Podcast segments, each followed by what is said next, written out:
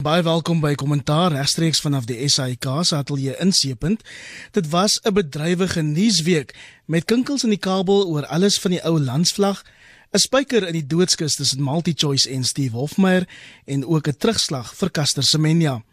Vanaand gaan ons egter die grootste deel van die program wy aan die nasionale verkiesing, nou net 3 dae ver. Dit is die 6de algemene verkiesing sedert die einde van apartheid in 1994 en stel ek ook een van die belangrikste verkiesings nog.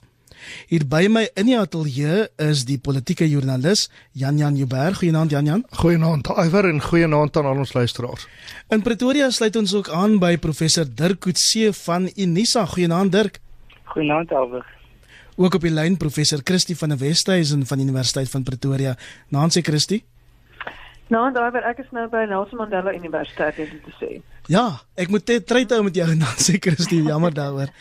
'n Bietjie later in die program kom ons ook praat met die verkiesingsanalis Marie Harris van Ipsos en sy gaan haar voorspellings vir 8 Mei met ons deel.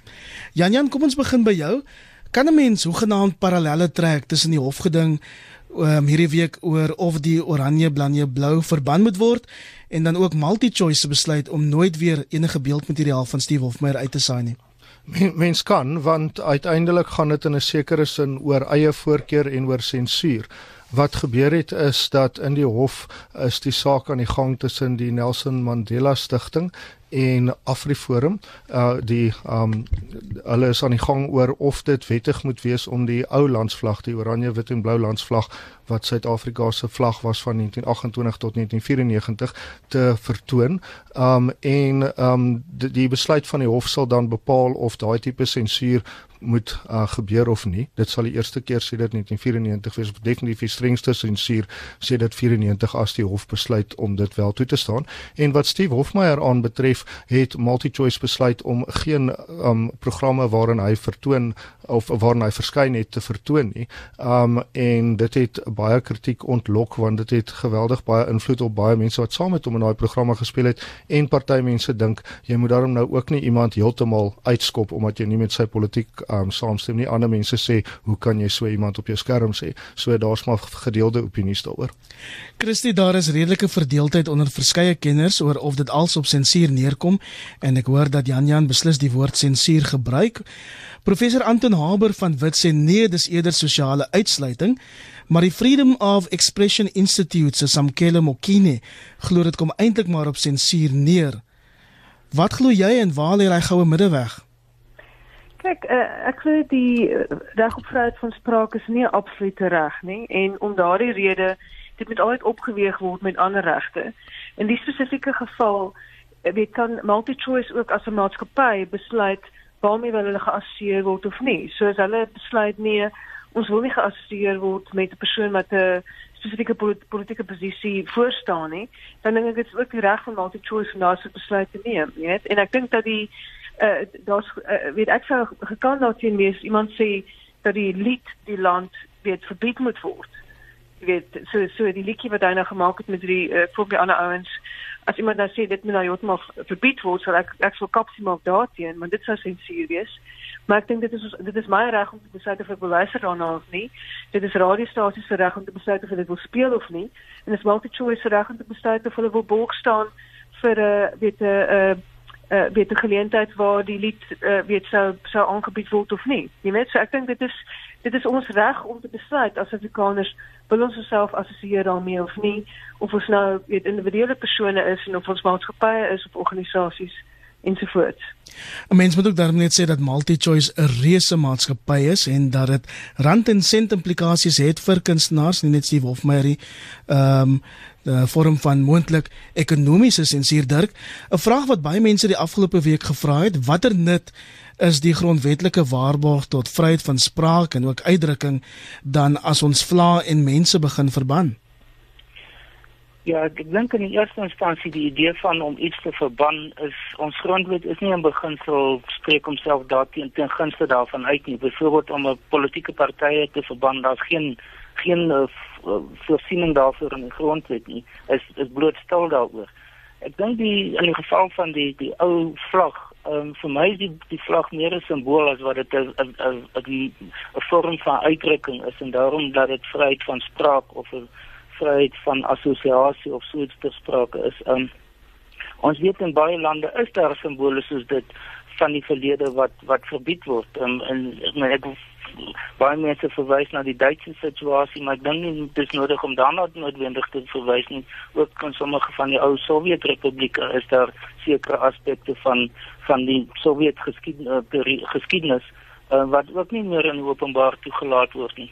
Ek ek dink wat in die geval van Steve Hofmeyer dink ek nie dit gaan aan die eerste of laat ek dit so omstel. Ek ek dink die feit dat Steve Hofmeyer by die politiek begin betrokke geraak het en baie uitdruklik homself assosieer binne die partytetiek. Uh, beteken dat hy sy aanspraak daarop dat hy 'n kunstenaar is um, en dat sy kuns in 'n sekere sin uh, nie die die vryheid geniet om, om om dat dit kan uitdruk nie. Ek dink dit begin problematies word. Ek dink die die die hoofargument oor sy uh oor wat Marty Choice nou is, is nie oor sy sy sy musiek per se nie, maar dis oor die politieke dimensie daarvan en die politieke assosiasie wat gespreek is en die politieke uitsprake wat hy gemaak het. Um wat natuurlik hoogs problematies begin word. Dan um, Marty Choice dink ek het, het die reg om te besluit wie en wat hulle bereid is om uit te saai. Ek dink enige as jy mens dink aan baie ander aspekte, hoewel dit op hulle in die openbaar funksioneer, is daar soos Christus gesê het is artikel 39 van die grondwet sê dat enigiemand van die hoofstuk 2 uh, uh, uh, regte is daar beperkings op tot die mate wat dit in 'n oop en demokratiese samelewing aanvaarbaar is. So dit is nie absolute regte nie ek dink dit is binne die die groter konteks waarna ons hierna hierna sal moet kyk. Dit is 'n beginsel wat uiteraard nou in die hof getoets gaan word. Steve Hofmeyer het hierdie week gesê dat hy regsaksie oorweeg. Baie mense wat vra Jan Jan wat dan van Julius Malema en al die uitlatings wat hy al gemaak het. Ek dink die verskil hier is dat Malema 'n politikus is en dan moet ek ook in dieselfde asem vir jou sê ek het in die laaste hoeveel jaar nog nooit so baie ou Suid-Afrikaanse vlagge gesien as hierdie week toe hierdie saak weer aan aangewakker is nie. Wel, dis altyd die probleem as jy iets probeer verban of aan bande lê. Jy maak dit vir mense interessant om dit te uh, vertoon en skus. Um en om jammer man ek het 'n bietjie verkoue. Um en om dit um weer mee te assosieer want dit is so half van stroom op en hmm. interessant ensovoort. Maar mense moet maar dink waarmee hulle assosieer. Daar is 'n rede hoekom mense so ontsettend daarteen is, um, veral swart mense. Daar's geweldig baie mense wat onder daardie vaandel baie swaar gekry het en baie onreg is gepleeg. Maar om dit te verban is myns insiens nie die antwoord nie, want dis presies wat jy gaan regkry, Iwer. Jy gaan weer die ding laat um bo die oppervlak verskyn. Nou um wat multi-choice betref, ewenigs um uiteraard is Dirk en Christie reg enige een kan besluit wat hy wil vertoon ensovoort en is nie dat um Hofmeyer verban word nie. Ek bedoel enigiemand anders kan nog steeds na sy konserte toe gaan of sy programme beeldsend as hulle sou wou.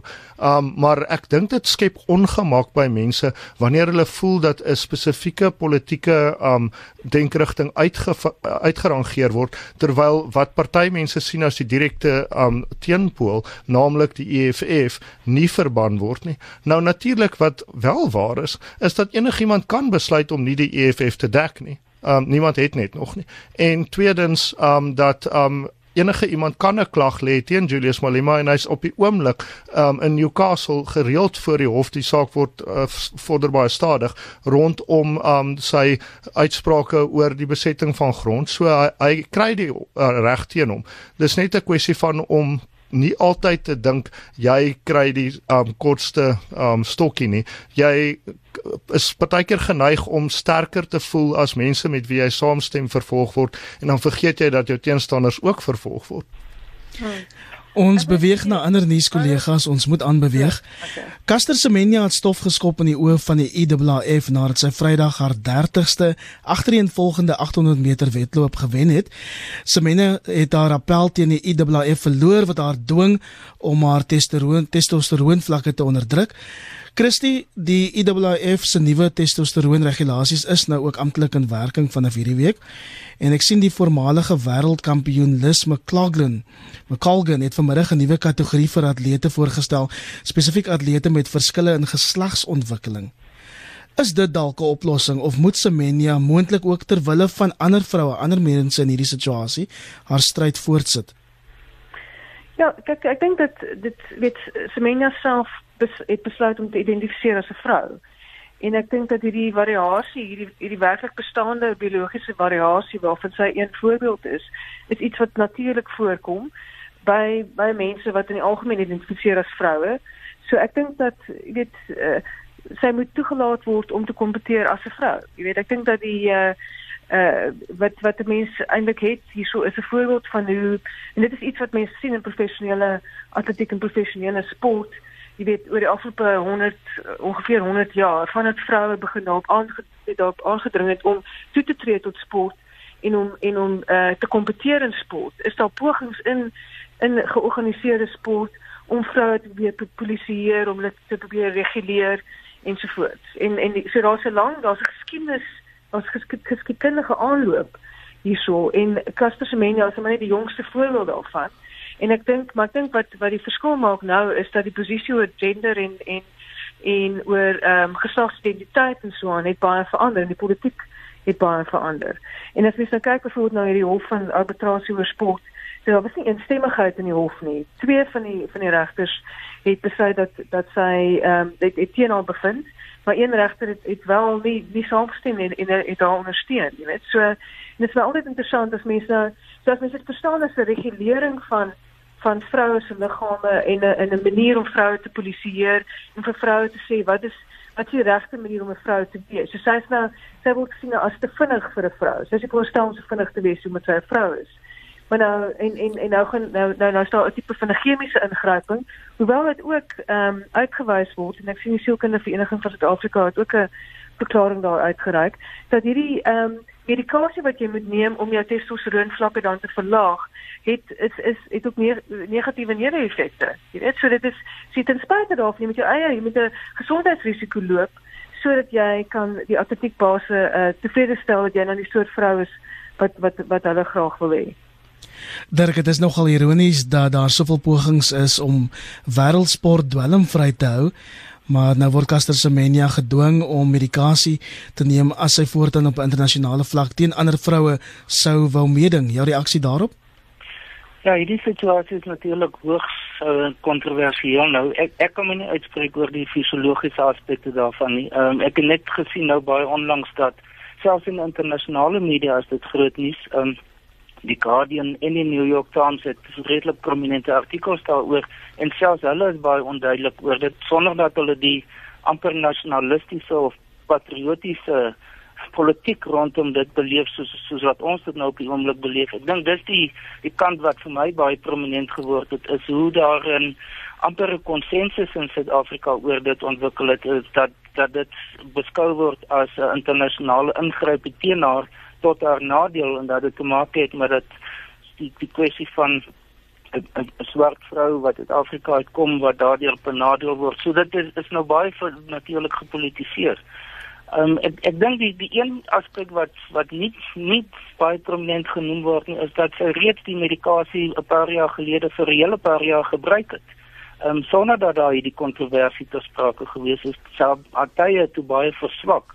Ehm um, so dink wat wat hulle nou weet is is dat as sy nou weer op hierdie medikasie gaan, gaan sy nie meer so kompeterend wees soos wat sy ehm um, tot op op hierdie stadium is nie. So dat daar's baie faktore te sprake. Ek dink die die een interessante of belangrike aspek wat nou wat veral in die buitelandse media na vore kom is die die idee van ident van geslagsidentiteit. Ehm um, en hierdie voorstel dat daar miskien nog 'n kategorie te sprake moet kom is dalk nie iets wat mense heeltemal van die tafel af moet vee nie want veral die idee van transgender persone begin nou meer en meer prominent word. Um, En die die vraag is waar gaan hulle aanpas um, in die toekoms? Um, want dit gaan nie oor hoe hulle gebore is nie, maar hoe hulle uiteindelik um, met men waar hulle vandag is. So die die die hele kwessie is nie so eenvoudig dat dit gaan net oor vrou of nie vrou en wat is die vlakke van testosteron wat bespreek en dit gaan werklik oor identiteitsaspekte. En ek dink daar's daar's 'n groter of 'n breër debat wat nodig is oor dit. Die ongeluk is in ons geval het dit is dit so gepolitiseer en so 'n as 'n nasionalistiese of 'n patriotiese item gemaak, ehm um, dat dit eintlik onmoontlik is om in Suid-Afrika dat 'n debat daaroor te voer. Jan Jan, dit lyk of jy wil reageer. Wat sou jou raad aan Caster Semenya wees? Vaste byt wat sy goed mee is in elk geval. Sy het uit baie moeilike omstandighede gekom waar sy is. Um sy byt vas. Sy's besig om appel aan te teken. Um ek wil daarom ook sê dat um die gevolge daarvan was 'n groot pleintjie vir die um Suid-Afrikaanse koerantwêreld en wel vir miskien my en jou gunsteling dagblad die Burger wat um vertoon is op CNN terwyl hulle besig was om te bespreek goeie pleintjie vir John Grant Monroe die die bladopmaker van die burger dat van al die koerante in die wêreld dat die burger was wat die voorblad gedoen het wat almal um aangegryp het. Ons praat dan volg ja, gaan voort. Ek dink ook 'n vergelyking tref met um die uh hierdie week het Taylor en Francis ook bekend gemaak dat hulle daai artikel gaan onttrek waarin uh, bruin vroue se kognitiewe vermoëns uh, bevraagteken is. Mm. Mense uh, sal moontlik uh, onthou week of wat gelede is 'n petisie um, onderteken die akademiese ek het dit self ook onderteken teen 'n artikel wat verskyn het in 'n in 'n akademiese joernaal van Taylor and Francis wat wat basies ehm um, werklik waar net eintlik ou koloniale stereotypes oor bruin vroue basies opgewarm het as as uh, as as wetenskap. Uh, dis van die ou uh, die, die ou gebruik eintlik van wetenskap om om uh, om rasisme te, te probeer regverdig. Maar natuurlik is dit nou ingeklee in wetenskaplike taal, so dit kom verskillend oor.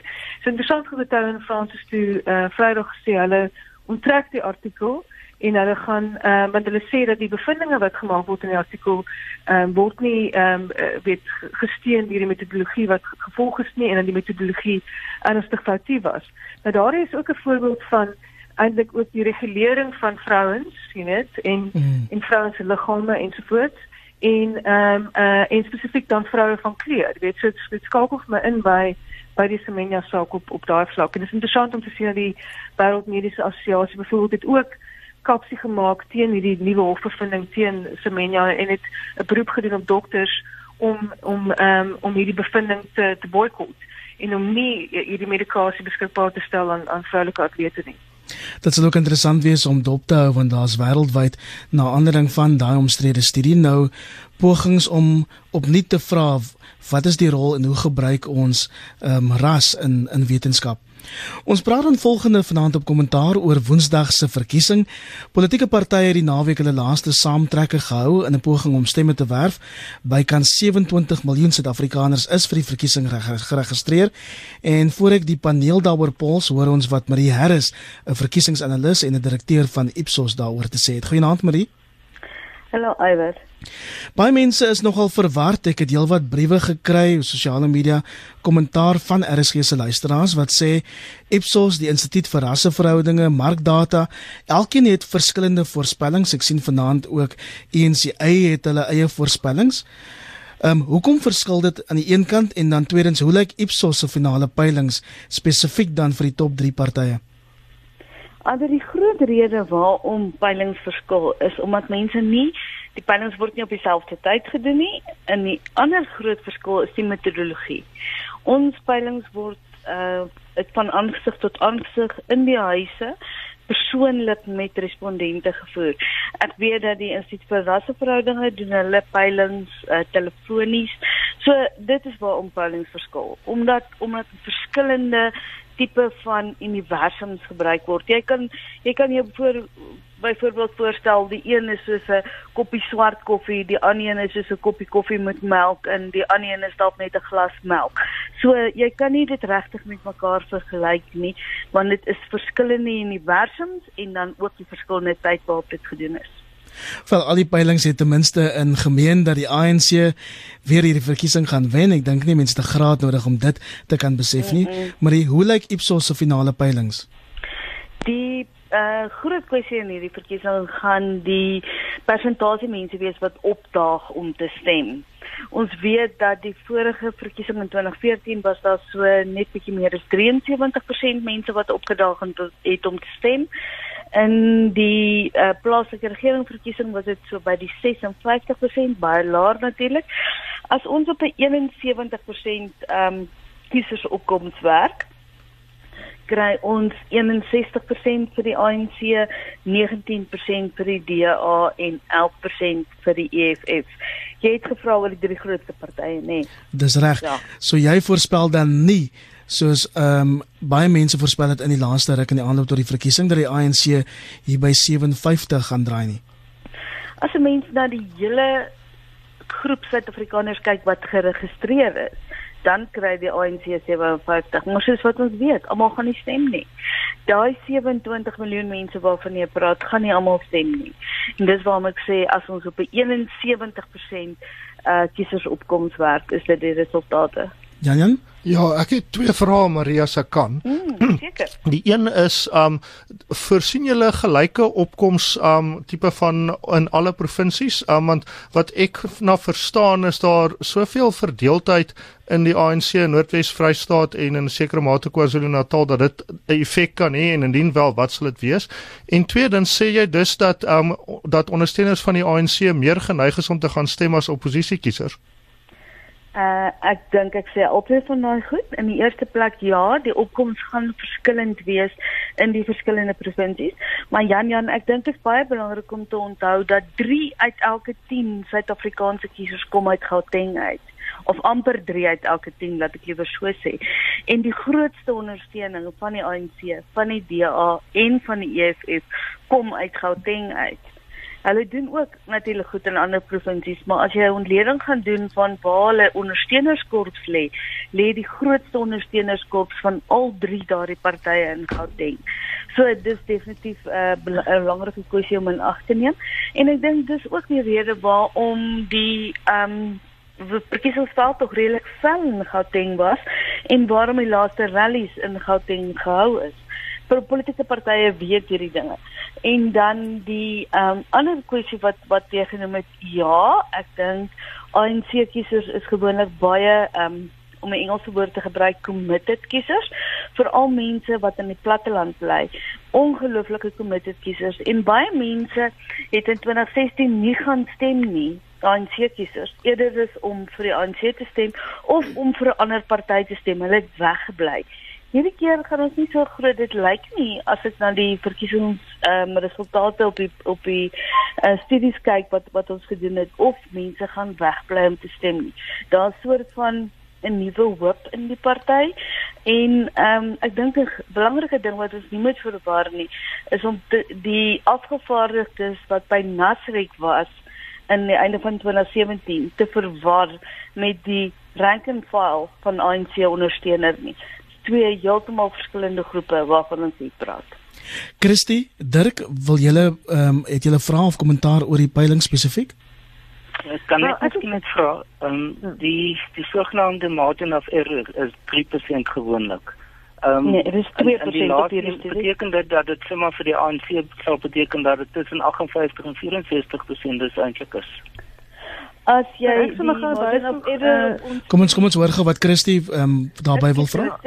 Uh, net net oor eh uh, uh, Gauteng se belangrikheid. Dit is baie dit is 'n interessante skuif want eh uh, met die met die vorige verkiesing waar ehm um, eh uh, die die die vorige twee verkiesings waar die ANC eh uh, dit onder Zuma eh uh, verkies is. Ehm um, het het uh, wat KwaZulu-Natal natuurlik baie belangrik mm. en en en, mm. en daar's toe uitgewys op daai stadium dat dit wys dat die die, die ANC het het eintlik baie afhanklik geraak vir vir sy groei dit uh, aan dit van van KwaZulu-Natal. So dit is my nog interessant met wat is uh, hoe, hoe hoe lees jy die die die, die verhouding tussen Gauteng en KwaZulu-Natal in terme van van die bepaling van die ANC se se se fortuin kan mense sê vir die verkiesing. So doodra. Eerstens uh, Dirk se vraag, die uh, foutgrens op hierdie studie is tussen uh, 0.9 en 2%. 'n Foutgrens is gewoonlik ehm um, dit hang af van die steekproefgrootte, die hoeveelheid mense wat antwoord op 'n sekere uh, vraag met ander woorde jou responskoers en die metodologie wat jy aangewend het. Omdat ons hierdie betrokke metodologie gebruik waarna ek vroeër verwys het, is die maksimum foutgrens op die studie 2%. Met ander woorde, die ANC steun op 61% kan lê tussen 59 en 63. Ja, jy's reg daar. Uh heeltemal reg om die waarheid te sê. En ehm um, natuurlik is dit baie moeiliker om kleiner partye uh, raker te voorspel as die groter partye, maar ons kan net dan daaroor praat. En dan Christie se vraag, ja, KwaZulu-Natal was voorheen baie ongelooflik belangrik vir die ANC. Dit is steeds belangrik vir die ANC. Dit is hulle tweede grootste provinsie. Ehm um, maar nie die grootste provinsie nie. Ek dink wat baie mense miskyk is dat in die afgelope paar jaar met die geweldige droogte wat in die land was, eh, was daar interne migrasie in Suid-Afrika wat eintlik groter is as wat baie mense dink en mense is ongelooflik verstedelik en ek dink dis waar een van die groot kwessies van Gauteng se belangrikheid vandaan kom. Marie, voor ek jou begin groet as 'n verkiesingsanalis, hoe voel jy oor die debat dat 'n stem vir enige van die kleiner partye eintlik 'n vermorste stem is? Jy's nou ehm, 'n um, vrou wat die statistieke van verkiesings baie beter verstaan. Hmm. Dawie Skols reken nee, ehm um, dit is beslis nie so eenvoudig nie. Wat dink jy? Ek dink ook nie dis 'n eenvoudige antwoord nie. Eerstens is daar klein partye en dan is daar baie klein partye. Ek dink 'n uh, stem vir 'n baie baie klein party kan moontlik 'n smorse stem wees. 'n Stem vir een van die kom ons sê die middelslagpartye want hulle is ehm um, eintlik klein, maar in Suid-Afrikaanse terme kom hulle na die drie grootes soos die IFP, die Vryheidsfront Plus, COPE, ehm um, ACDP, die, die ACDP, ook die UDM en ehm um, die die Good Party. Hulle doen goed in sekere gedeeltes. Byvoorbeeld Good in die ACDP doen heel goed in uh die Weskaap. Dis nou as ons sê hulle doen goed beteken dit in die peilings. Hulle kry redelik stemme, ja. Okay. Ehm um, die UDM ehm um, doen redelik goed in die Oos-Kaap. Ek dink Christie sal daarmee saamstem. En dan hmm. Cope doen redelik goed in die Vrystaat en ek dink dis nog 'n oorblyfsel van ehm um, Musia Lokota wat die premier was in die Vrystaat. Hy was ongelooflik gewild en die Vrystaaters onthou dit nog. So hierdie partye en natuurlik die IFP se sterkpunt lê in KwaZulu-Natal. Hierdie partye baie meer streeksgebonde. Ek dink dis die punt wat ek maak. En tweedens, dit hulle op nasionale vlak so enige iets van 0.5% die IFP lê tans hier so by 3. Daar daar rond lê hulle. Stemme vir baie kleiner partye uh, al hierdie vreemde akronieme wat opgeduik het die mens kan omtrent sê vir 40 van die 48 partye wat op die stem ehm um, op die stembriefie gaan wees landwyd kan moontlik 'n gemorste stem wees. En die rede daarvoor is om 'n setel in die parlement te kry, moet jy ten minste 0.25 van die stemme kry uh omdat daar 400 parlementslede is, 0.25 van 'n persent gee vir jou een setel. So as jy nie vir 8 van die 48 partye stem nie, mors jy eintlik jou stem, Jan Jan? En ek dink daar moet jy onderskeid tref tussen um provinsiale stembrief en nasionaal. Ja, um, ja natuurlik. Um daar Ekskuus, daar's baie van die partye wat nasionaal in die parlement verteenwoordig word wat nie genoeg steun het in 'n spesifieke provinsie om um 'n 'n setel te kry. En wat dan gebeur is jou stem word toegewys as 'n breekdeelstem aan 'n ander party en jy het geen beheer oor um wat daardie partye is wat daarbey um daarbey baat vind nie dit um gaan aan die volgende party wat 'n setel sou wen. Um so mense moet baie mooi kyk ook dat hulle tog maar takties stem in die provinsies en nie um hulle stemme vermors op partye wat miskien nasionaal 'n setel kan wen maar eintlik geen kans of geskiedenis het van in hulle spesifieke provinsies nie. Baie dankie, dit was lekker om Marie Harris van Ipsos se insigte te kry. Christie, ek sien Max de Pre skryf die persoon en die simboliek van die president het lanklaas in Suid-Afrika se geskiedenis so sentraal in 'n algemene verkiesing gestaan. En dan vra hy 'n vraag wat ek vir jou wil vra. Is dit die Cyril Ramaphosa verkiesing of die EFF verkiesing? ja, kyk, ek dink dat uh, wie dit verskrik van die peilings ook het gekyk na gewildheid van leiers of of in watter mate die die profiel van die leier weet uh, kiesers beïndruk en Ramaphosa doen baie beter as as Mamani en en Malema.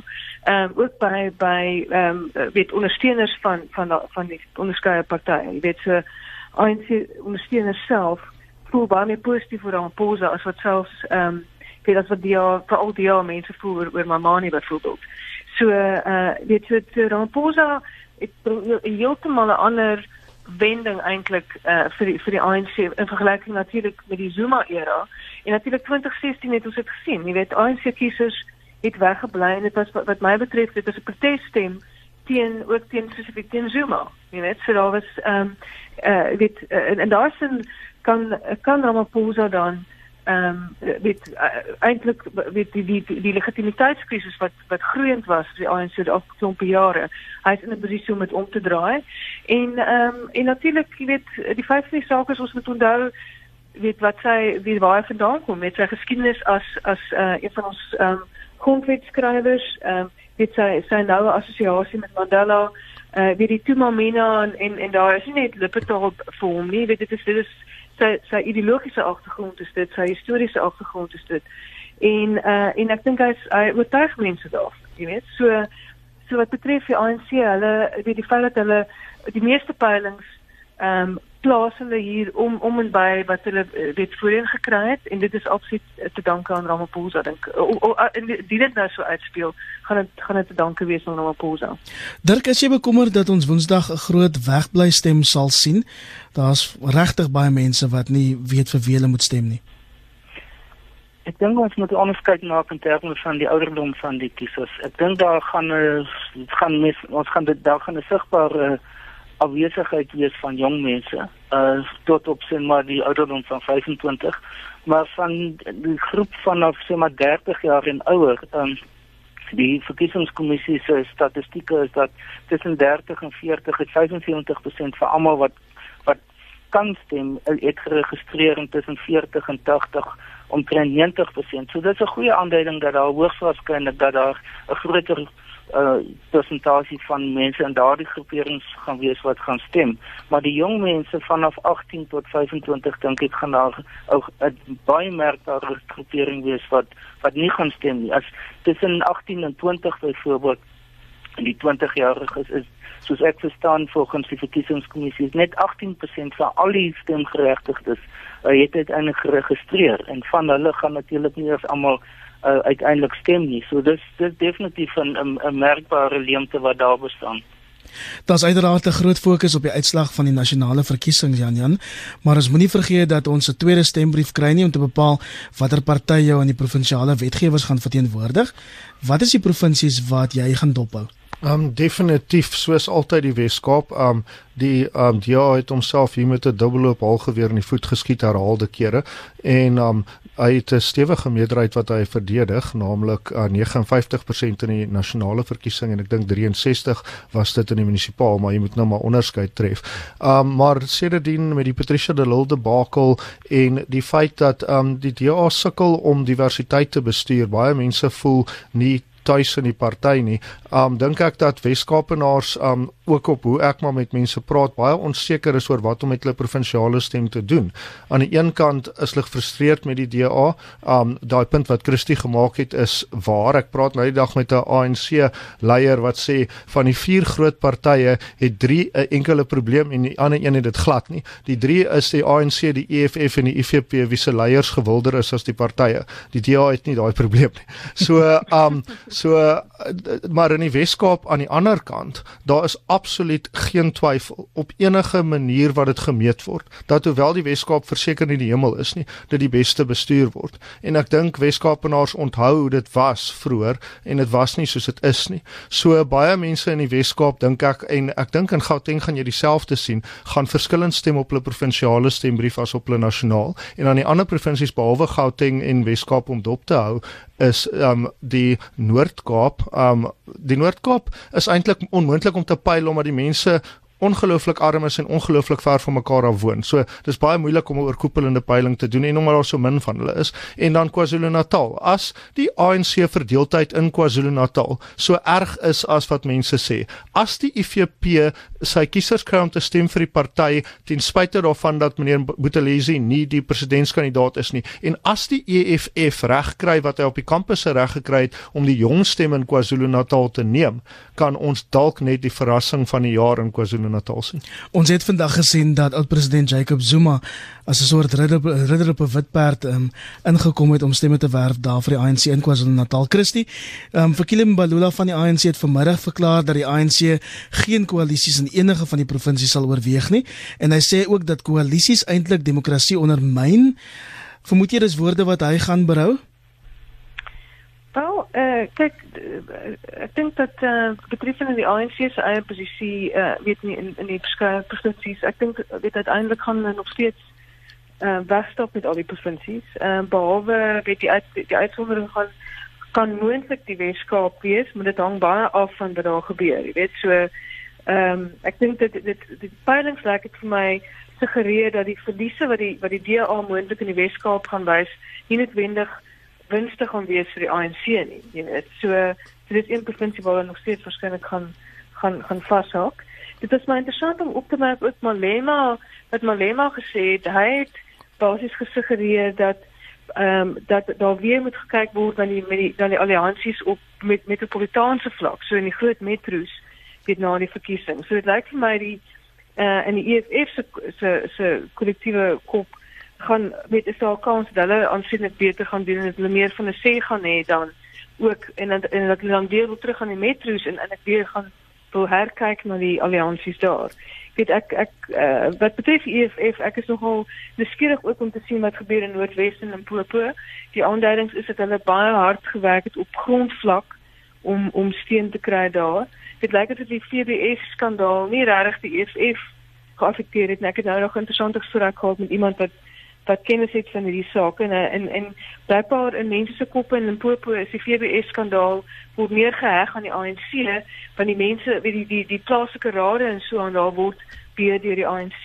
So so die die korrupsie ehm um, daar word word uh, mense koppe meer geassosieer met die ANC en minder met die EFF en waar sy die EFF slaag daarin nogal om hulle self oor te of te projekteer as 'n as 'n anti-korrupsie party as gevolg van hulle hele ding ehm um, weet teen hulle hulle suksesse in die in die in die in die hele kampanje teen teen Zuma, jy weet. So hmm. daar's daar's allerlei ek wil net op, op iets reageer wat Marie vroeër gesê het en dit is oor die kortliks asseblief Christie. Ehm um, net gou uh, uh, en dit is dat uh, ons weet natuurlik dat die ANC het gou twee wette deurgevoer om die tradisionele leiers te vrede te stel. En en daai ehm um, uh, dit letterlik gou deurgewurg. En daai twee wette Ehm um, hoop die ANC natuurlik gaan nou hulle die die, tradisionele leiers ver kry om daai daai landelike kieserskorps aan hulle te oorhandig. Dirk, die laaste woord lyk like my vanaand behoort aan jou want die tyd is besig om ons in te haal. Die verkiesing gaan met baie rasse spanning, pessimisme gepaard. Het dit nie tyd geword dat mense eerder moet vra waarvoor ehm um, wil hulle stem? Met ander woorde, wat is die kwessies wat verskillende politieke partye op die voorgrond sal kan plaas? Wel dit dis natuurlik wat wat die ideaal is en dit is die sogenaamde tradisionele keuse kiezer is een wat op 'n meer op 'n materiële of op 'n belangebasis besluite neem oor wie hulle uiteindelik gaan steun. En vir ons is dit onvermydelik dat sekere partye hulle self nog definieer in 'n baie historiese sin en probeer staat maak op die historiese ondersteuning. Uh, maar ek dink wat ons byvoorbeeld gesien het met die plaaslike verkiesings van 2016 is dat daar reeds besig is om skuwe plaas te vind. Die die koalisie regerings wat ons nou in verskeie 'n hele klomp plaaslike owerhede gesien het of sien dat hulle uh, gevorm is daar is vir my ten minste 'n teken dat mense begin om, om op ander wyse te kyk hoe hulle politieke partye gaan ondersteun. En ek, ek dink wat ons nou waarskynlik in hierdie verkiesing gaan sien, gegee die feit dat daar byvoorbeeld die EFF koop van tevore het die die ANC steen op steenbasis begin opbreek. Ehm um, dieselfde met met IFP en NFP en en ander groeperings ook. So dat daar duidelik 'n her, herrangskikking besig om plaas te vind in die Suid-Afrikaanse politiek. Uh, maar die die rasse dimensie as mense en hulle is uh, en hulle essensiële sin kyk na die politiek dan val hulle terug daarna toe. Veral as hulle as hulle voel in die moeilikheid en hulle moet hulle hulle belangrikste wapen gebruik en dis gewoonlik ongelukkig dit. Jan Jan, dit lyk of jy vinnig wil reageer. Ja, ek wil vir ons mense vra om asseblief almal te gaan stem en om so positief as moontlik te stem. Um met ander woorde, stem vir wat waarin jy glo en glo die beste daarvan eerder as om negatief te wees daaroor. Dis 'n wonderlike ervaring om in Suid-Afrika te stem. Dis die een dag waarop ons absoluut verenig is en ons het die beste kiesstelsel in die wêreld. Wees deel daarvan. Stem positief, Christie, jou reaksie? Ja, nee, ek sê 100% saam met Jan en ek dink mense wat wat wat wat wat sit in klaar oor die land maar nie gaan stem nie jy weet dit is die eerste plek waar jy jou demokratiese verbintenis wys tot die tot die tot die beterskap van ons land. En ons kan nie ons krisisse aan, aanpak as ons uh, apatie staan teenoor die, die mees basiese uh, uitoefening van hierdie demokratiese reg nie Dit bring ons aan die einde van vanaand se kommentaar hier op RSG. Baie dankie aan Jan Jan Joubert, professor Christie van die Westhuizen van die Nelson Mandela Universiteit en professor Dirk Coetzee van Unisa. My naam is Iver Price. Ek groet dan tot volgende Sondag aand. Lekker aan verder.